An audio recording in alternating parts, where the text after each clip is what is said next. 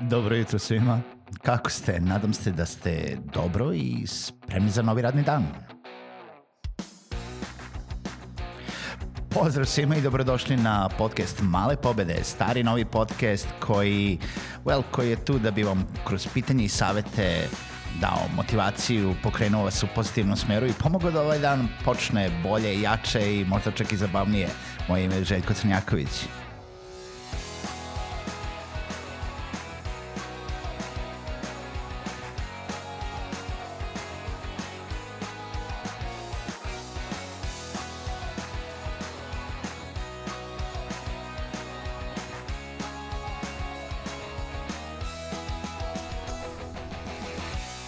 Pozdrav svima, dobrodošli u još jednu emisiju podcasta Male pobede. Dobro jutro, moje ime je Željko Crnjaković i kao i svako jutro želim da se zahvalim svim onima koji me slušaju, koji podržavaju ovaj podcast na Patreonu i onima koji ne podržavaju ovaj podcast, ali koji ga slušaju. Bitno je da slušamo svako jutro Male pobede.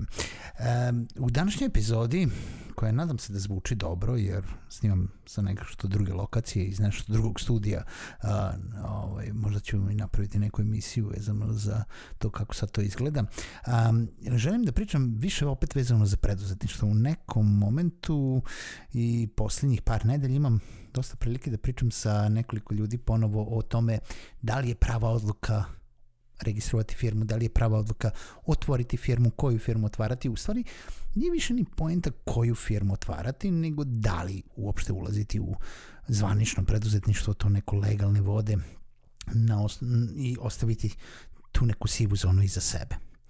E, I više ne znam, u silnoj silnom razgovoru, silnoj prepi, uh, prepirci oko toga šta je bolje, šta nije bolje, koliko tu poreza treba da se plaća, koliko dačbina, koliko sve to košta, koliko jednostavno ništa nije za džabe, nisam ni ja sam pametan, ali sve se svodi na to šta želite da postignete, šta želite da uredite dalje. Da li želite miran san, da li želite više para, da li želite da se možda onako nekako legitimnije predstavljate uh, prema drugim potencijalnim klijentima ili uh, saradnicima ili partnerima, pa da imate da firmu ili želite da se osjećate bitno samo zato da izdajete fakture, zbog toga nemojte otvarati firmu, molim vas, želite da, da jel, da budete legalni i ono, sve se svodi u tu prvu stavku, imate miran san i da, uh, jel, da imate neke svoje doprinose, poreze, plaćeno zdravstveno i tako dalje.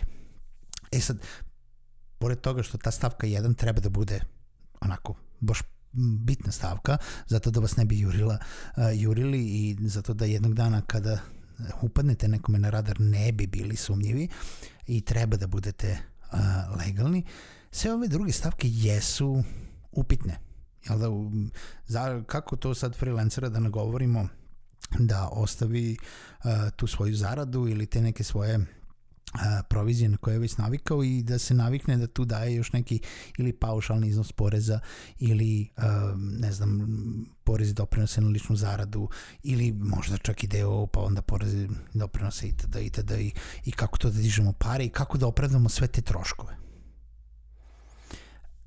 Najbitnije od svega jeste da prelomite to kod sebe. Najbitnije od svega jeste da stvarno dođete do toga da šta vi to stvarno radite, da li je ovo vaš život, da li ovim želite da se bavite do kraja života ili je to nešto što ćete raditi još narednih mesec dana. Ako ćete to raditi još narednih mesec dana, godinu dana, godinu i po dana, šta da vam kažem, neću da vam kažem, otvarajte firmu sigurno, jer možete možda da prođete i bez toga.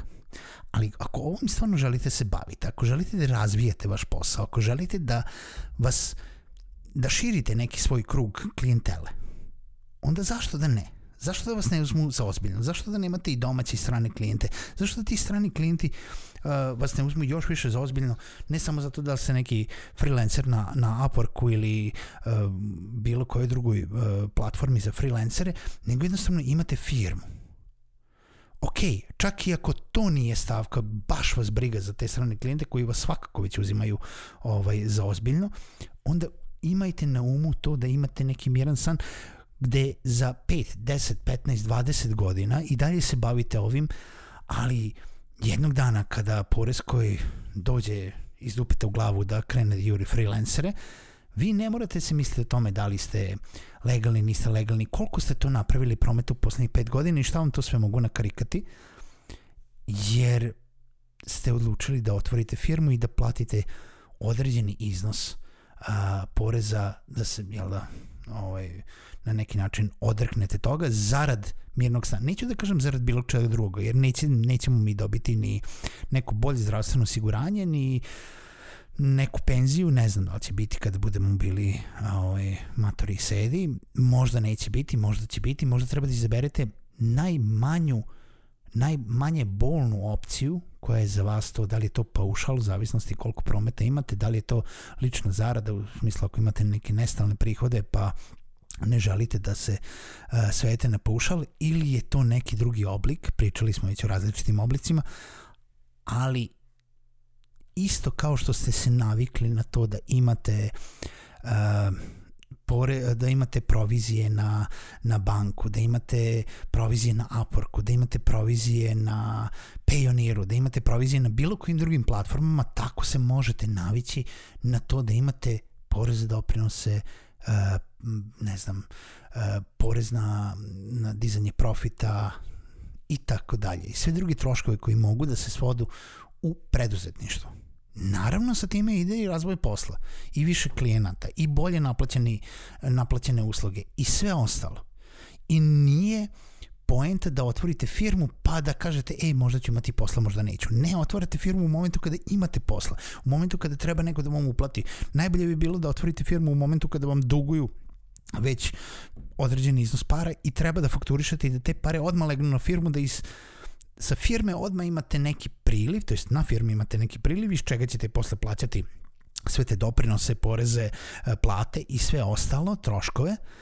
I onda ulazite polako u taj neki, jel da, kolotečinu toga da ste kao preduzetnik i da obrćete sredstva i da naplaćujete i da plaćate svoje poreze darbene i tu sad kreće cijela nova peripetija u kojoj možemo da uđemo u sledećoj epizodi oko toga kako trošiti pare kao preduzetnik, što svi mi treba da imamo jedan dobar kurs oko toga uh, kako da izločimo pare, kako da trošimo pare i na što sve možemo da trošimo pare, ali odluka u tome da li ćete da budete preduzetnik ili nećete da budete preduzetnik mora da se prelomi u nekom momentu. Što više razmišljate o tome, ali se opirete, nije onda vreme da otvarate uh, jel da, preduzetničku firmu, jer uh, pucat sami sebi u nogu i u glavu od toga što ste otvorili firmu i krenuli u, ne znam, nešto u što vi niste spremni da, da, da, jel da dajete sve te jel da, poreze i takse i sve, sve ono što morate da date. Ali, kažem, isto kao kad prelomimo oko nečega, oko čega se uh, lomimo, da li da krenemo na nešto, da li da odlučimo nešto da plaćamo, da li da... Ovo je veliki korak. Veliki korak u smislu, mm, znači, ovo određuje ostatak vaše poslovne karijere. Otvarati firmu nećete otvarati na godinu dana, osim ako ne želite da operete neki veliki iznos koji, koji treba da vam legne i da posle toga zatvorite firmu. Uh, ja bi svakome preporučio da debelo razmisli o tome i da svako ko ima kako da kažem, svako ko ima potencijala da ovo što radi kao freelancer želi da razvija pre svega i da radi do veka, jel da, u svom poslovnom ovaj, životu, da da, treba da otvori firmu. I pričam, ne pričam o ljudima koji su juče postali freelanceri, ne pričam o ljudima koji a, rade kao freelanceri već dva meseca, pričam o ljudima koji rade kao freelanceri već godinama.